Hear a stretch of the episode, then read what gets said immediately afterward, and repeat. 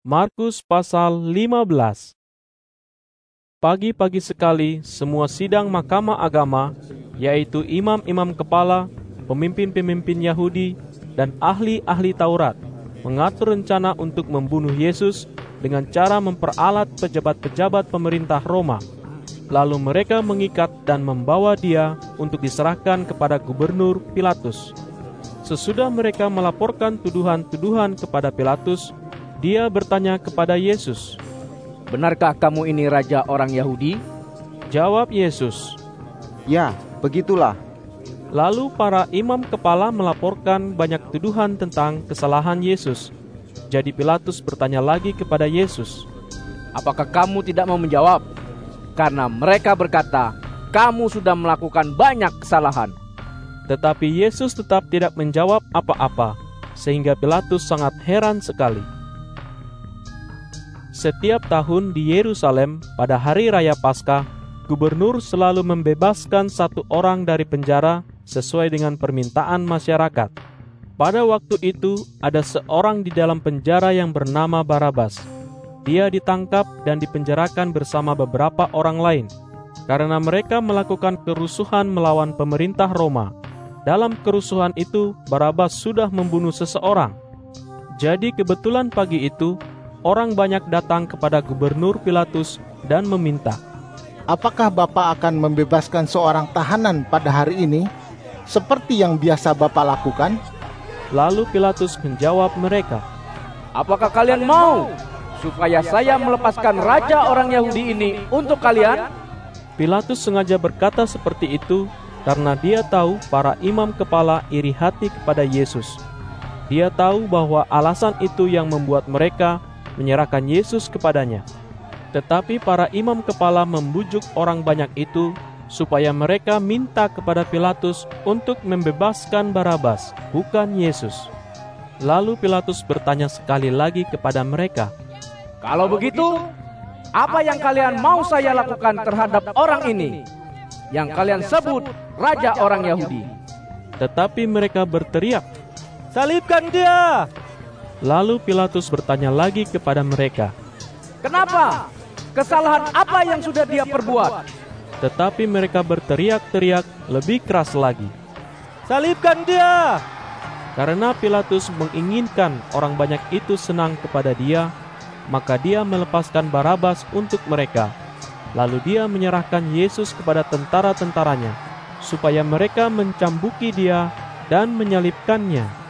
Lalu tentara-tentara itu membawa Yesus masuk ke dalam markas mereka yang berada di bagian istana gubernur, dan mereka memanggil semua tentara yang lain untuk berkumpul di sana.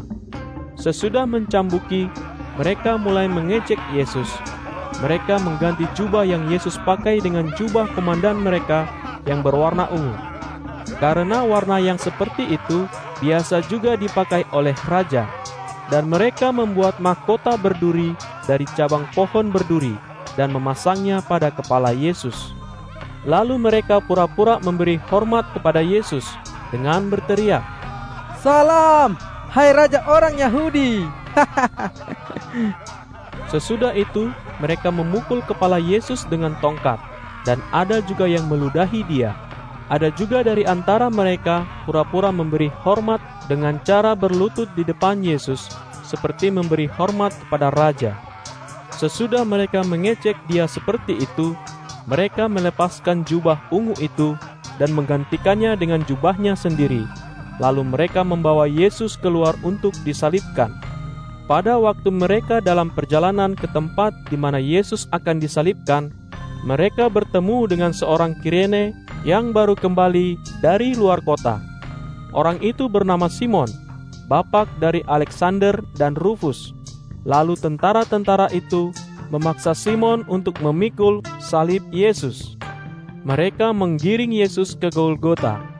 Dalam bahasa Ibrani, nama tempat itu artinya tempat tengkorak. Di sana, kepadanya mereka berikan air anggur yang dicampur dengan getah pohon mur, tetapi Yesus menolaknya. Lalu tentara-tentara itu menyalibkan dia, dan pakaiannya mereka bagi-bagikan di antara mereka dengan cara membuang undi. Mereka menyalibkan Yesus sekitar jam 9 pagi.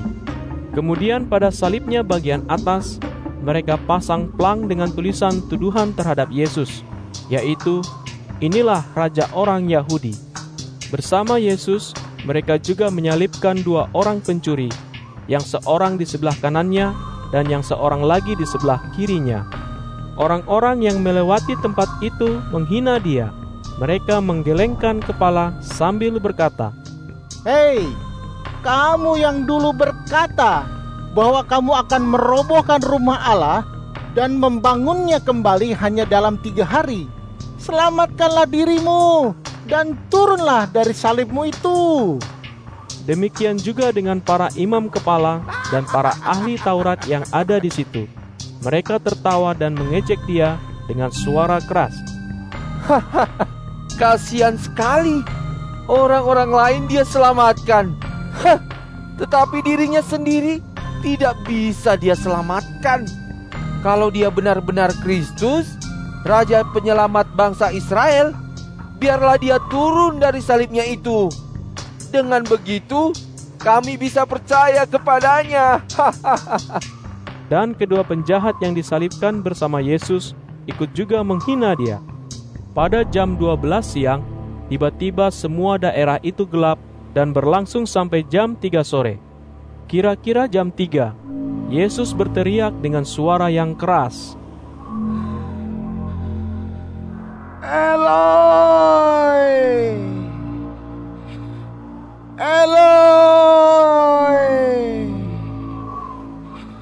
lama sabaktani. yang artinya, Allahku, Allahku, kenapa engkau meninggalkan aku?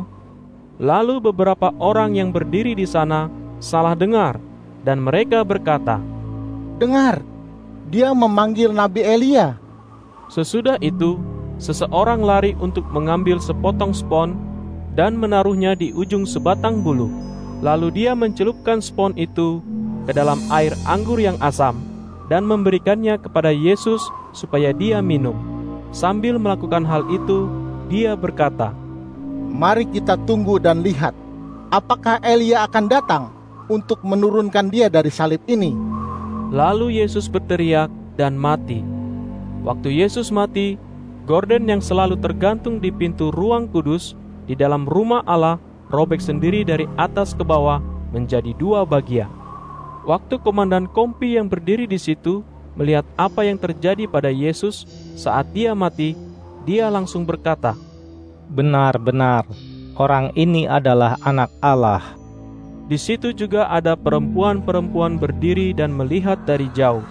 Mereka adalah Salome, Maria yang berasal dari kampung Magdala, dan Maria, ibu dari Yoses dan Yakobus muda, yaitu adik-adiknya Yesus.